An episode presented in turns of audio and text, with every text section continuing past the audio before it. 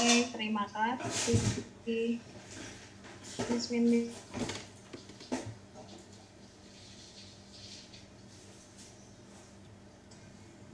Miss, suaranya kecil. Udah clear? Suaranya kecil, agak kecil sih. Tes, udah clear? Dah.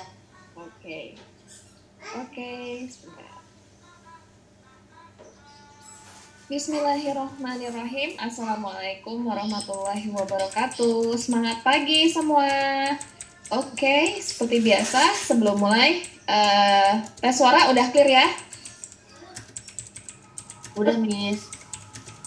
Oke, izinkan saya memperkenalkan diri dahulu ya. Ahem. Nama saya Fitri Handayani. Saya kelahiran Palembang 1989. Status saya sudah menikah. Memiliki tiga orang putra, usia 7 tahun, 4 tahun, dan 1 tahun. Saat ini saya berdomisili di kota Solo. Teman-teman bisa silaturahim sama saya di WhatsApp 082134947700 atau bisa ke Facebook saya di Fitri Handayani.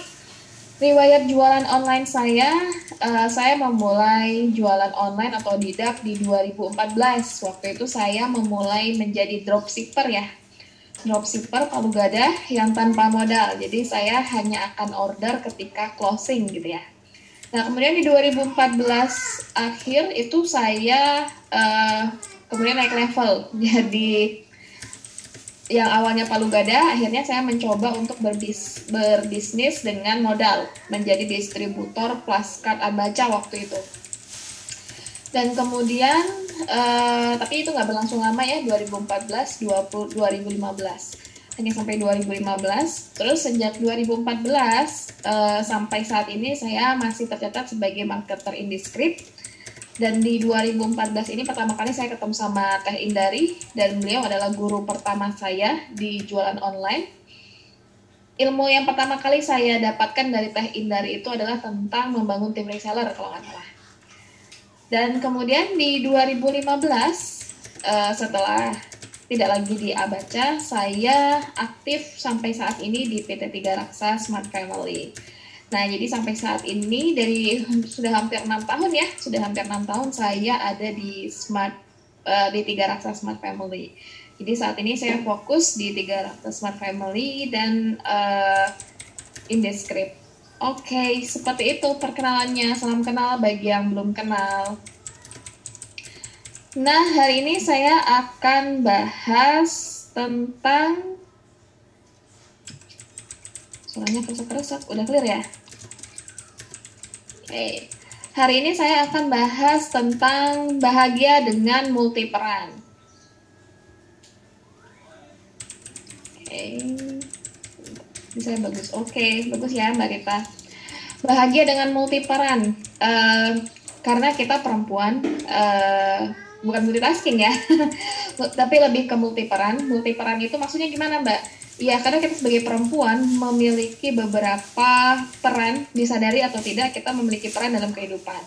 Sebagai yang sudah menikah, sebagai ibu, sebagai istri, dan yang jualan sebagai pebisnis gitu ya. Jadi uh, kadang kita tidak sadar bahwa dengan peran yang multi ini uh, membuat kita kadang menjadi uh, tidak happy ya, tidak happy karena ngerasa kok hidupku uh, melelahkan sih? Kok hidupku uh, capek banget sih gitu ya. Nah ini yang perlu kita sadari bahwa uh, setiap peran punya konsekuensi. Nah uh, saya ingat waktu 2014 ketika setelah menikah dan kemudian saya tidak tidak diizinkan bekerja su uh, suami saya. Padahal sebelumnya sebelum menikah saya uh, biasa bekerja ya Nah, ketika tidak bekerja, kemudian saya bingung, ini saya mau ngapain gitu ya. Setelah uh, selesai dengan tugas negara, setelah selesai dengan pekerjaan rumah sebagai ibu, sebagai istri, eh, kemudian saya bingung, ini spare waktu saya mau ngapain lagi ya.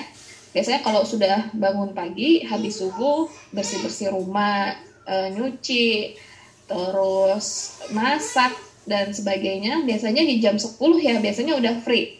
Dan kemudian saya bingung, dari jam 10 sampai mau uh, sampai seterusnya itu saya mau ngapain dan kemudian uh, saya memilih untuk memanfaatkan sisa waktu saya dengan belajar jualan. Akhirnya di 2014 itu saya mengambil peran baru sebagai uh, pebisnis ya. Jadi saya punya tiga peran uh, sebagai ibu, sebagai istri, dan sebagai pebisnis. Nah, kemudian yang saya tidak sadari bahwa ketika saya memulai jualan dan kemudian uh, jualan itu menjadi uh, peran pebisnis itu menjadi peran yang kemudian membesar gitu ya. Yang biasanya dropshipper seadanya dan kemudian saya mulai bangun tim reseller, bangun tim reseller, kemudian uh, tentulah beda ya ketika saya jualan sendiri dengan saya jualan bersama tim maka akan lebih banyak tanggung jawabnya uh, ketika jualan dengan tim karena saya harus memaintain tim saya uh, saya harus uh, apa ya lebih berperan sebagai leader akhirnya. Tidak hanya jualan tapi saya juga berperan sebagai leader. Dan kemudian tanpa saya sadari uh, peran sebagai pebisnis ini sebagai leader ini menggeser peran-peran saya yang lainnya sebagai ibu dan sebagai istri. Yang awalnya jualan itu hanya untuk mengisi sisa waktu luang saya akhirnya malah jualan ini uh, menghabiskan semua waktu saya. Dan itu tidak saya sadari ya. Saya tidak sadari itu bahkan hampir lima tahun uh, saya enam tahun di tiga raksa uh, apa ya saya sempat lima tahun terjebak dalam kondisi pilihan. Sampai di satu titik ya saya ngerasa uh, bisnis saya oke okay, tapi kenapa? Keluarga dan uh, rumah saya tidak oke okay, gitu ya. Karena uh, ketika saya fokus dulu mikirnya gini ya asik ya jualan di rumah 24 jam uh, kita bisa atur waktu sesuka mungkin. Tapi kemudian saya menyadari uh, uh, ketika saya jualan di rumah ketika saya produktif dari rumah 24 jam justru itu adalah tantangannya gitu ya. Bagaimana saya akhirnya merasa tersiksa gitu ya saya 24 jam ada di rumah bersama anak-anak saya. Tapi karena kesibukan saya dengan bisnis, kesibukan saya dengan jualan online, akhirnya waktu saya bersama anak-anak saya tersita.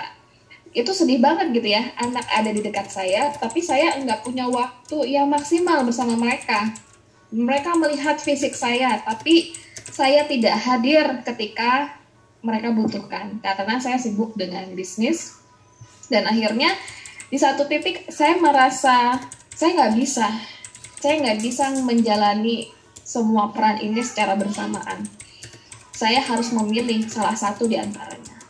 Saya sempat curhat itu ke teh Indari waktu itu. Saya nangis-nangis ke teteh teteh aku capek menjalani hidup seperti ini. Apa sih yang mau aku kejar? Pada waktu itu di 2017 saya lupa ya di 2018 atau di 2019 kebetulan saya sudah uh, tidak punya tanggungan hutang karena memang motif saya jualan itu adalah pengen uh, bebas hutang dan punya uh, uh, income tambahan ya. Nah di 2019 itu hampir nyaris sempurna semua mimpi saya. Hutang saya sudah beres, saya sudah umroh, dan semua kakak-kakak saya juga sudah umroh, orang tua, mertua, ipar saya sudah umroh, saya sudah punya kendaraan, hidup saya sudah nyaman. Itu saya ngerasa di titik, ya udah deh, uh, toh udah semua saya dapatkan, karir saya bagus, dan udah saat ini uh, saya sudah cukup menikmati dan saya sudah cukup puas dengan pencapaian karir saya, pencapaian bisnis saya maka kemudian saya cerita ke teteh teteh aku mau istirahat aku mau jadi ibu seutuhnya aja. Aku uh, mau stop jualan biarlah nanti suamiku aja yang melanjutkan jualanku di tiga raksa. Karena bisa diwakilkan kalau di tiga raksa itu bisa diwakilkan ya uh, sama pasangan. Dan akhirnya di 2019 itu beneran saya menarik diri menarik diri dari semua grup tiga raksa sampai di titik saya itu apa ya nggak mau sama sekali berinteraksi dengan teman-teman tiga raksa. Sakingnya ya sakingnya saya ngerasa uh, berdosa ya merasa bersalah sama anak-anak saya. Jadi satu ketika saya berjalan-jalan eh, ke Spanyol waktu itu ke sama anak saya nomor satu dan nomor dua anak saya nomor satu itu tantrum ketika dibangunkan ketika pesawat landing anak saya tuh tantrum ngamuk-ngamuk gitu ya.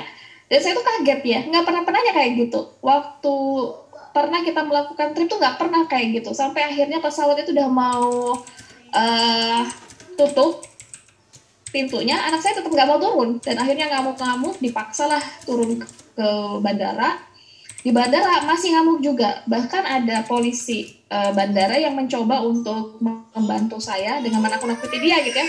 Malah dilawan itu polisinya masya Allah. Nah dari situ yang akhirnya itu jadi koreksi banget sama saya. Aduh ini kenapa anak saya jadi tantrum seperti ini? Emosinya tidak terkendalikan. Begitu pulang gitu juga. Begitu tiba di tanah air bukan tiba di tanah air ketika mau naik pesawat dari Spanyol menuju Indonesia dia tantrum lagi dia tantrum lagi karena posisinya dia tidur. Jadi anak saya itu yang nomor satu kalau bangun tidur dia perlu spare waktu setengah jam untuk mengkondisikan diri, diri dia stabil. Nah kemudian uh, ketika mau naik pesawat dia ngamuk-ngamuk. Wah udah itu satu pesawat geger semua ya. Dengerin dia menangis meraung-raung dan sebagainya. Dan apa perasaan saya? Ya malu pastinya ya.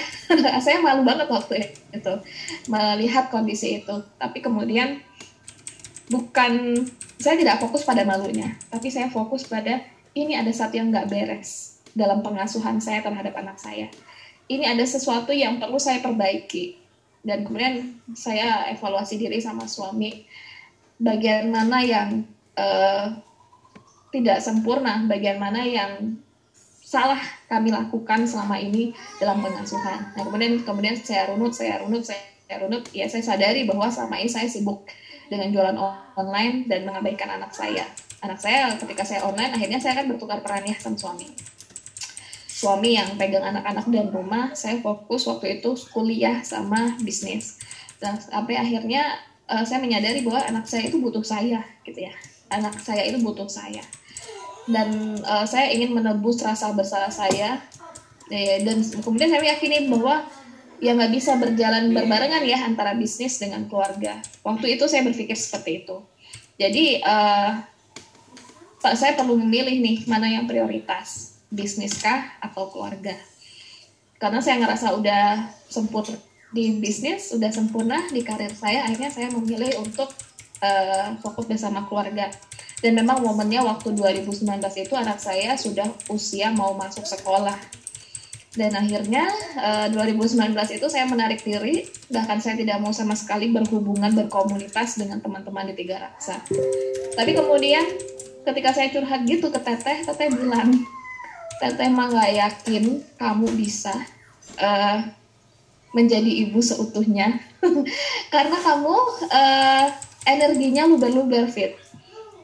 Karena kamu punya potensi yang tidak hanya menjadi ibu rumah tangga, tapi kamu bisa uh, menjalani peran sebagai pebisnis. Tapi saya menyangkal itu waktu itu ya. Teteh bilang gitu sebetulnya. Tapi saya menyangkal, enggak teh, uh, aku capek. Aku capek, aku pengen istirahat, aku pengen memperbaiki hubunganku dengan anak-anakku. Ya mungkin juga teteh waktu itu ini nggak bisa diomongin, ya udah sok aja gitu sama teteh ya ada akhirnya di 2019 saya benar menarik diri tapi kemudian uh, eh, 2019 sampai 2020 karena saya tidak kayak karena saya menutup diri dan akhirnya uh, benar kata teteh ya saya menutup diri buat saya minder saya nggak percaya diri saya nggak benar-benar menutup diri waktu itu menutup semua akses dan saya memilih untuk sendiri. Dan apakah berjalan dengan lancar? Uh, peran saya sebagai ibu dan sebagai istri? Enggak juga ternyata jadi enggak juga ternyata uh, ya oke okay, memang saya punya waktu yang lebih banyak bersama anak-anak saya. Tapi seperti ada yang hilang gitu ya. Kayak ada yang hilang apa ya waktu itu uh, seperti pokoknya ada peran yang hilang lah dari diri dari dalam diri saya. Sampai di satu titik saya itu stres karena hamil. Belum juga saya beres ngurus anak satu dan dua dikasih Allah hamil. Aduh waktu itu depresi banget. Saya kayak ada trauma gitu ya khawatir saya tidak bisa maksimal uh, mengasuh anak saya dan memang belum punya rencana mau hamil lagi. Tapi kemudian Allah kasih kehamilan dan kemudian saya bed rest. Uh, depresi lah waktu itu sama depresi. Untungnya saya sadar bahwa saya dalam kondisi yang tidak baik saja. Akhirnya cari mulai lagi cari rutinitas nyari kelas persalinan yang memberdayakan. Dan kemudian uh, suami saya melihat ya ada yang tidak beres dengan kondisi psikologi saya. Akhirnya saya sama suami ikut kelas lah ikut eh, kelas NLP pemberdayaan. Nah di kelas itulah akhirnya uh, saya dapat insight bahwa hidup ini tentang bagaimana kita mengambil tanggung jawab hidup ini akan selalu ada tantangan akan selalu ada konsekuensi maka yang terpenting penting adalah kita sadar bahwa kita punya tanggung jawab atas peran yang kita ambil. Peran yang kita ambil pasti ada konsekuensinya. Maka kita yang perlu kita lakukan adalah bagaimana kita bertanggung jawab terhadap semua peran yang kita ambil. Bertanggung jawab sebagai ibu, bertanggung jawab sebagai istri, bertanggung jawab sebagai leader, sebagai pebisnis. Ambil tanggung jawab itu 100% karena e, bagaimana kondisi kita, bagaimana kehidupan kita yang akan kita jalani semuanya tergantung bagaimana kita mengambil tindakan dan bagaimana kita bertanggung jawab terhadap semua peran yang kita lakukan. Nah dari situ yang akhirnya oke okay, mulai terbuka nih saya, mulai terbuka bahwa yang perlu saya lakukan itu bukan membagi peran, tapi bagaimana saya bisa menjalankan ketiga peran itu secara dengan bertanggung jawab dan profesional ya. Yang kedua profesional di semua peran. Profesional di semua peran ini artinya tidak tidak cukup hanya dengan manajemen waktu, tapi bagaimana saya bisa mengatur uh, membagi waktu 24 jam saya berdasarkan peran saya. Kapan saya menjadi ibu, kapan saya menjadi istri, kapan saya menjadi leader. Didetailkan berdasarkan uh, manajemen waktunya ya Misalnya jam 6 sampai jam 8 saya berperan sebagai ibu dan sebagai istri, yaitu menyiapkan sarapan untuk anak-anak saya. Nanti jam 10 gitu ya, misalnya jam 8 sampai jam 10 saya berperan sebagai leader, sebagai pebisnis. Maka saya akan fokus membina tim saya. Saya akan fokus membalas semua chat yang masuk ke saya. Nanti jam 1 sampai jam 2 saya berperan lagi sebagai ibu menemani anak-anak saya tidur siang misalnya terus nanti jam 2 sampai jam 4 saya uh, aktif lagi sebagai leader uh, sebagai pebisnis mengurus tim saya coaching dan sebagainya jadi kemudian saya memahami pembagian manajemen waktu itu saya jalani sesuai dengan peran saya. Saya tidak lagi multitasking. Kalau dulu-dulu saya multitasking. Katanya gitu ya mama itu kan jago multitasking. Sambil masak bisa sambil uh, balesin chat customer. Sambil nyusuin bisa sambil uh, merospek customer. Dan kemudian saya menghilangkan multitasking itu saya berusaha untuk membagi waktu manajemen waktu saya dengan sesuai peran ya ketika saya berperan sebagai ibu saya fokus dengan anak saya saya tidak menyambi mereka dengan pekerjaan yang lainnya ketika saya berbisnis, ketika saya di jamnya uh, menjadi seorang leader, maka saya fokus menjadi leader. Tidak saya sambi dengan mengasuh anak saya. Karena memang beda ya, karena memang kita itu hanya bisa di karena sebetulnya kita itu hanya diberikan kemampuan untuk fokus di satu hal. Nah, ketika kita fokusnya terpecah, maka yang terjadi ya tidak akan running well gitu ya semuanya. Jadi memang ya ya Abah Isan ya, Abah Isan itu juga selalu bilang hadirlah 100% ketika membersamai anak dan ya beberapa guru parenting saya bilang bahwa anak itu sebetulnya nggak butuh waktu yang lama mereka tuh hanya sekedar butuh didengarkan paling lima menit udah gitu ya misalnya ibu ibu aku mau aku aku mau cerita deh. Nah biasanya tuh mereka tuh nggak nggak butuh waktu lama paling lama lima menit untuk didengarkan atau diapresiasi. Dulu kalau saya lagi riuh dengan jualan online dengan tuduh saya mereka deket itu aja sudah saya plototin gitu ya. Mereka nggak berani deketin saya. Jadi kemudian uh, dari kelas itu saya belajar oh tentang ternyata bukan tentang membagi waktu, tapi tentang membagi peran. Bagi saya, bagaimana saya bisa profesional di semua peran. Ketika saya jadi ibu, oke okay, saya akan berperan seprofesional mungkin melayani anak-anak saya uh, dengan sebaik mungkin menyediakan makanan, membuat menu uh, sesuai yang mereka inginkan, mem memasak dan sebagainya. Yang saya mengerjakan tugas negara dengan baik karena menjadi ibu profesional juga menjadi ibu itu juga butuh profesional ya bukan sekadar menggugurkan kewajiban. Dan kemudian menjadi istri juga bagaimana saya juga memperbaiki komunikasi ke suami. Dan kemudian menjadi leader saya juga mulai membuat program kerja dengan lebih jelas lebih clear lagi menyusun jadwal saya menjadi lebih uh, terarah. Jadi uh, kita meskipun multi peran kita juga perlu profesional di semua perannya agar hasilnya pun maksimal. Jadi saya juga sempat tertampar dengan guru saya ya, guru parenting saya. Mbak Fitri jangan cuma bisnis yang direncanakan dengan baik. Jangan cuma bisnis yang selalu dibikin dreamnya dengan detail sedetail mungkin, tapi juga aspek keluarga, aspek uh, pengasuhan juga dibikinkan detail uh, targetnya apa menjadi ibu targetnya apa? Misalnya saya bisa menyediakan sarapan setiap pagi atau saya bisa me memasak setiap hari untuk keluarga saya. Sebagai istri atau suami, uh, misalnya saya mengupayakan untuk uh, with time berdua dengan suami, misalnya seminimal sebulan sekali atau uh, mengadakan pillow talk sebelum tidur. Jadi hal-hal yang sederhana seperti itu, tapi uh, membuat kita itu terasa ada ketika menjalani peran sebagai ibu sebagai istri. Jadi uh, jangan sampai kita uh, kita jadi kita perlu uh, adil ya, perlu adil dengan semua peran yang kita ambil. Kita nggak bisa mengabaikan satu sisi dan menonjolkan yang lainnya.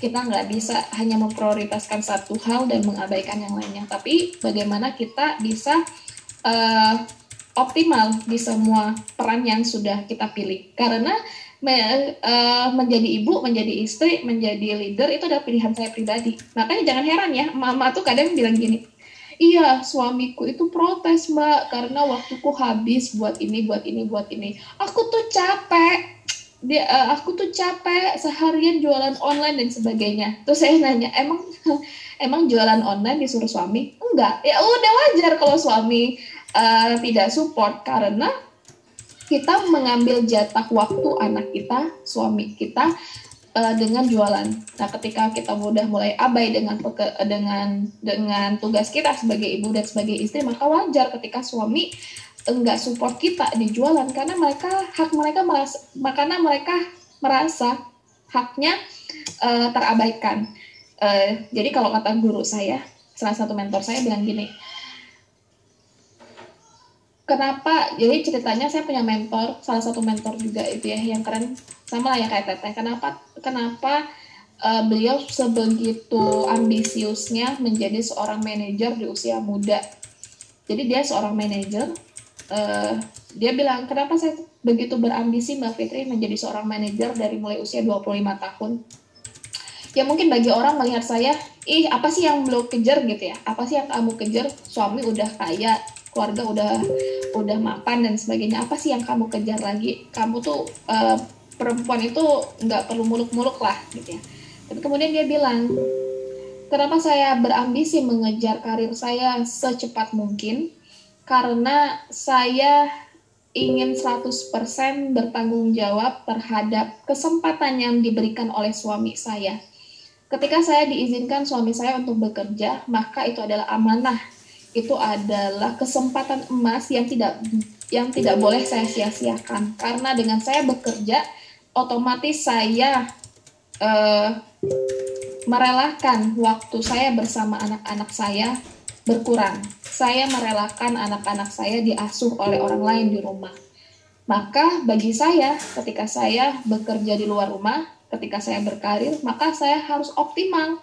Maka apa pentingnya, apa menjadi apa pentingnya bagi saya untuk bekerja di luar rumah ketika saya tidak punya prestasi? Apa apa artinya saya bekerja ketika saya hanya menjadi karyawan yang biasa-biasa aja? Sedangkan saya sudah berkorban sedemikian banyak, menghabis melewati masa-masa masa tumbuh kembang anak saya melewati masa pengasuhan anak saya. Maka ketika saya bekerja, Mbak Fitri, dia bilang gitu ya, ketika saya bekerja, memilih bekerja di luar rumah dan kemudian suami saya uh, memberikan saya kesempatan untuk bekerja, yang saya lakukan adalah bagaimana saya bisa 100% maksimal di karir saya. Bagaimana saya bisa segera mendapatkan uh, level terbaik saya dalam pekerjaan saya. Ini nampar banget ya. Sama sebetulnya. Ketika saya juga mulai jualan online, ketika saya mulai nyemplung di tiga raksa, saya tahu uh, akan banyak banget tantangan yang saya hadapi, baik dari luar maupun dari dalam. Yaitu tadi ya, bagaimana saya harus membagi waktu saya antara mengasuh mengasuh uh, anak-anak saya mengatur rumah dengan berbisnis dan akhirnya memang saya ya oke okay, karena saya sudah menghabiskan banyak waktu saya maka saya mau 100% di tiga raksa saya harus berhasil mencapai impian saya. Saya harus bisa mencapai di titik terbaik saya di bisnis ini. Maka yang saya lakukan adalah seperti itu ya. Jadi memang dia sejak 2015 saya bergabung di tiga raksa hampir setiap tahun bisa dikatakan nyaris setiap tahun saya selalu naik panggung. Naik panggung awardnya tiga raksa kecuali tahun lalu. Kecuali tahun ini ya karena memang 2019 saya menghilang dari peredaran dan kemudian saya memilih untuk tidak produktif ya akhirnya ya seperti itu dan kemudian uh, dari situ ya akhirnya tercerahkan saya oke okay, berarti bukan tentang memilih mana yang prioritas tidak prioritas karena semuanya prioritas ya menjadi ibu itu prioritas menjadi istri itu prioritas dan menjadi leader atau menjadi pebisnis itu prioritas, maka yang perlu saya sadari adalah bagaimana saya bisa 100% di semua peran saya. Bagaimana saya bisa mengatur uh, saat saya menjadi istri, saya bisa menjalankan tugas saya dengan sebaik mungkin. Ketika saya menjadi ibu, bagaimana saya juga bisa meluangkan waktu saya untuk bersama anak-anak saya, sebagaimanapun lelahnya saya. Dan ketika saya menjadi leader, bagaimana saya bisa membuat program-program dan membina tim saya dengan baik. Jadi, uh, profesional lah di semua peran dengan hasil yang maksimal. Jangan biarkan waktu kita yang kita kadang merasa, waduh 24 jam nggak cukup waktu saya mbak, uh, ribet mbak, nggak selesai, nggak inilah, nggak itulah ya. Makanya uh, untuk bisa profesional di semua peran kita perlu tentukan apa sih goal yang akan kita dapatkan dari peran ini. Dan kita juga perlu berdamai dengan kondisi kita. Jadi uh, nggak apa ya standar perfectnya kita itu perlu diturunkan sesuai dengan kadar kemampuan kita saat ini pengen cemerlang di karir pengen cemerlang di bisnis uh, pengen cemerlang di rumah pengen tetap harmonis dan sebagainya ya kita juga perlu membuat standar. Standar kita dengan standar orang lain tentu beda. Yang yang tahu kondisi kita itu kita.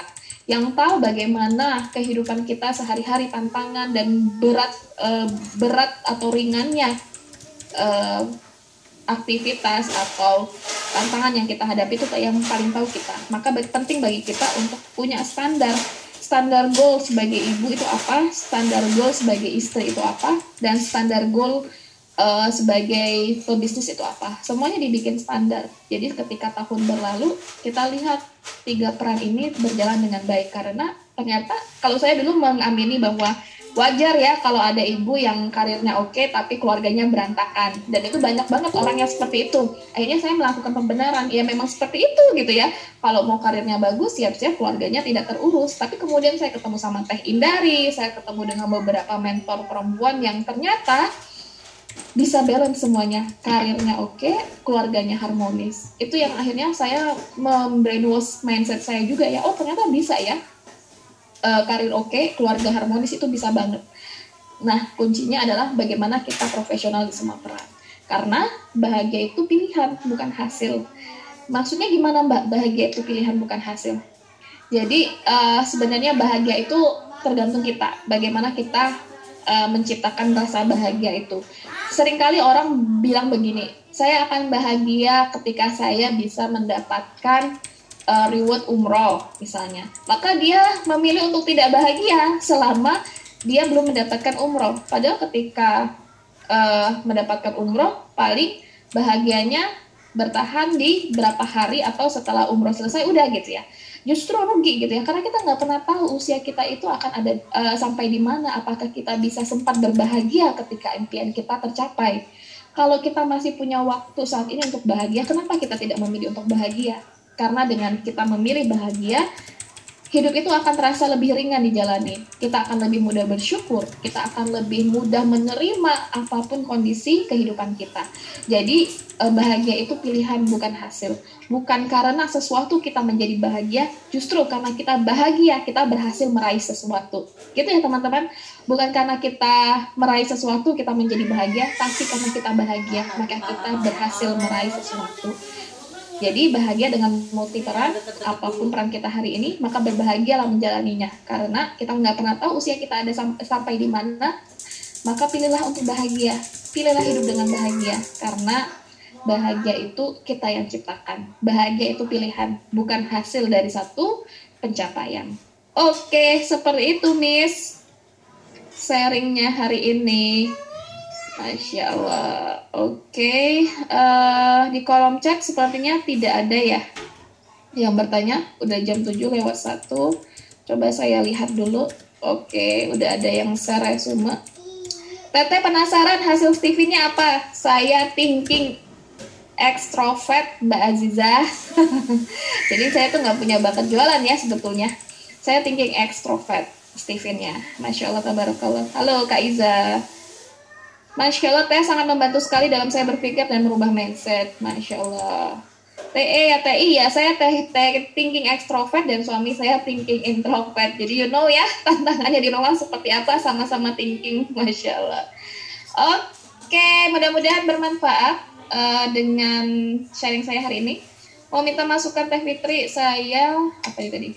Saya sedang ikhtiar bisnis tapi dengan amanah ngajar juga. Jadi harus bagaimana ya ya kalau akhirnya punya multi peran dalam uh, bisnis uh, dalam apa ya di luar ibu dan istri ya silahkan mbak. Kalau bisa dijalani semuanya dengan uh, seprofesional mungkin bisnisnya dan ngajarnya ya silahkan bisa mencapai goal terbaiknya menjadi pengajar dan menjadi pebisnis silahkan tapi kalau akhirnya merasa uh, saya nggak mampu mbak ngejalanin bisnis dan pengajar maka berpikirlah untuk melakukan salah satunya lagi-lagi tanyain mbak kamu mau ngajar sama mau bisnis itu apa yang kamu kejar?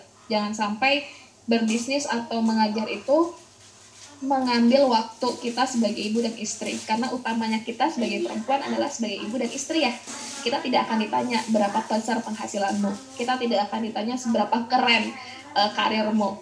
Yang akan ditanya adalah bagaimana kita menjalani peran sebagai ibu dan istri di akhir nanti ya. Jadi pilih mbak uh, pekerjaannya mau ngajar atau mau bisnis. Kalau bisa dua-duanya silahkan dengan standar keperfekan yang sesuai menurut Mbak sendiri. Tapi kalau ngerasa terbebani dengan dua hal itu silahkan pilih mana yang salah satunya yang mau dikerjakan. Ya, gini, ya dulu saya juga sempat berpikir sih mau multi bisnis gitu ya, mau multi bisnis. Saya tergiur untuk ikut ini itu, ini ini itu gitu ya. Saat saya jenuh di tiga rasa sempat berpikir pengen ini pengen aktif di bisnis lain gitu ya. Tapi kemudian saya sadari uang saya satu tiga raksa aja. Waktu saya uh, mepet waktu saya tuh rasanya kurang kok saya mau bisnis yang lainnya? Dan apa sih yang mau saya cari gitu ya? Dan sebenarnya apa sih yang mau saya cari? Oh hidup saya sudah cukup uh, dari satu bisnis aja. Ngapain saya harus cari yang lainnya? Dan toh apa sih yang mau saya kejar gitu ya? Ya dunia tuh nggak akan ada habisnya kalau dikejar. Nggak akan pernah ada batasnya ya ya mengejar dunia itu seperti kita minum air garam. Ya akan ada adalah terus haus. Maka yang perlu kita uh, lakukan adalah sebenarnya bikin dulu target goalnya kita tuh apa? Bisnis. Bisnis targetnya apa? Ngajar tadi targetnya apa? Dan lihat mana yang lebih banyak manfaatnya buat hidup kita buat kepribadian kita dan buat orang lain. Oke, okay. sharing hari ini kena banget di saat saya mulai jenuh karena belum fokus. Aduh oke ini banyak banget jalan ininya. Chatnya. Teteh fokus di bisnis anak-anak bagaimana apa main sendiri atau ada yang menemani misal keluarga? Anak-anak saya belum bisa membiarkan namanya fokus beberapa menit saja lihat HP ya uh, paling yang sekarang ini yang bayi ya yang bayi umur satu tahun itu kebetulan di rumah ada keponakan saya punya keponakan dua dan akhirnya ketika saya lagi fokus jualan jadi lagi fokus bisnis uh, mereka sama dia sama uh, kakak-kakaknya.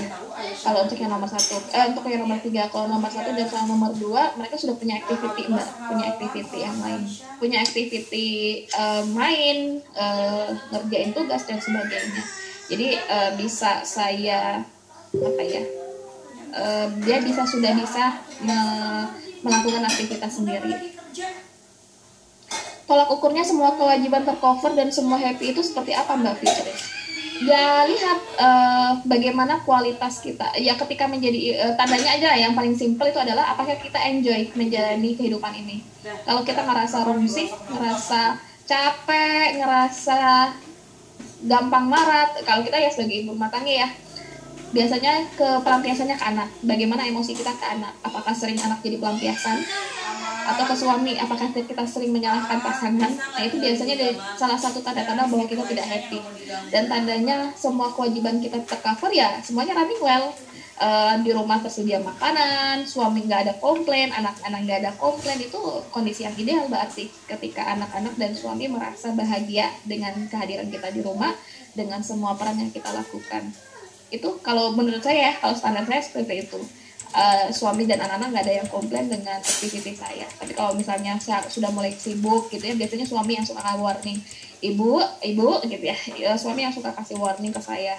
Ketika saya terlalu banyak waktu yang saya uh, habiskan uh, untuk tim saya atau uh, peran saya sebagai pebisnis biasanya suami yang suka reminder saya. Ya anak-anak juga suka reminder kalau udah mulai berantem gitu ya uh, mulai nggak kondusif di rumah ya oke ini tanda-tandanya bahwa ada yang tidak berjalan dengan baik di uh, sisi peran saya gitu mbak Iya, full menjalankan semua peran karena semua peran akan ditepat di karena semua peran yang kita ambil akan dipertanyakan. Uh, semua peran yang kita jalani hari ini akan diminta pertanggungjawabannya. Sebagai ibu, apa yang sudah kamu lakukan? Sebagai istri, apa yang sudah kamu lakukan? Dan sebagai pebisnis, apa yang sudah kamu lakukan? Gitu. Ini nggak bisa dijalanin mbak slide-nya. Jadi memang cuma satu slide saya setiap share saya hanya kasih poin-poinnya aja. Nggak ada penjelasannya. Ini slide-slide sebelumnya. Oke nih sudah jam 7 lewat 5 saya sudah di recorder sama Windy. Semoga bermanfaat apa yang saya sharing hari ini oke Miss Windy saya kembalikan Masya Allah, terima kasih Miss Fitri atas sharingnya hari ini. Silahkan untuk Miss-Missku semuanya di ATM ya, karena bahagia dengan multiperan itu memang butuh tipsnya. Nah, ini ada tipsnya dari Miss Fitri, maka e, dari itu kita harus ATM atau amati, tiru, dan modifikasi. Terima kasih untuk Miss Fitri untuk hari ini. Semoga e, e, Miss-Missku semuanya mudah actionnya ya. Dan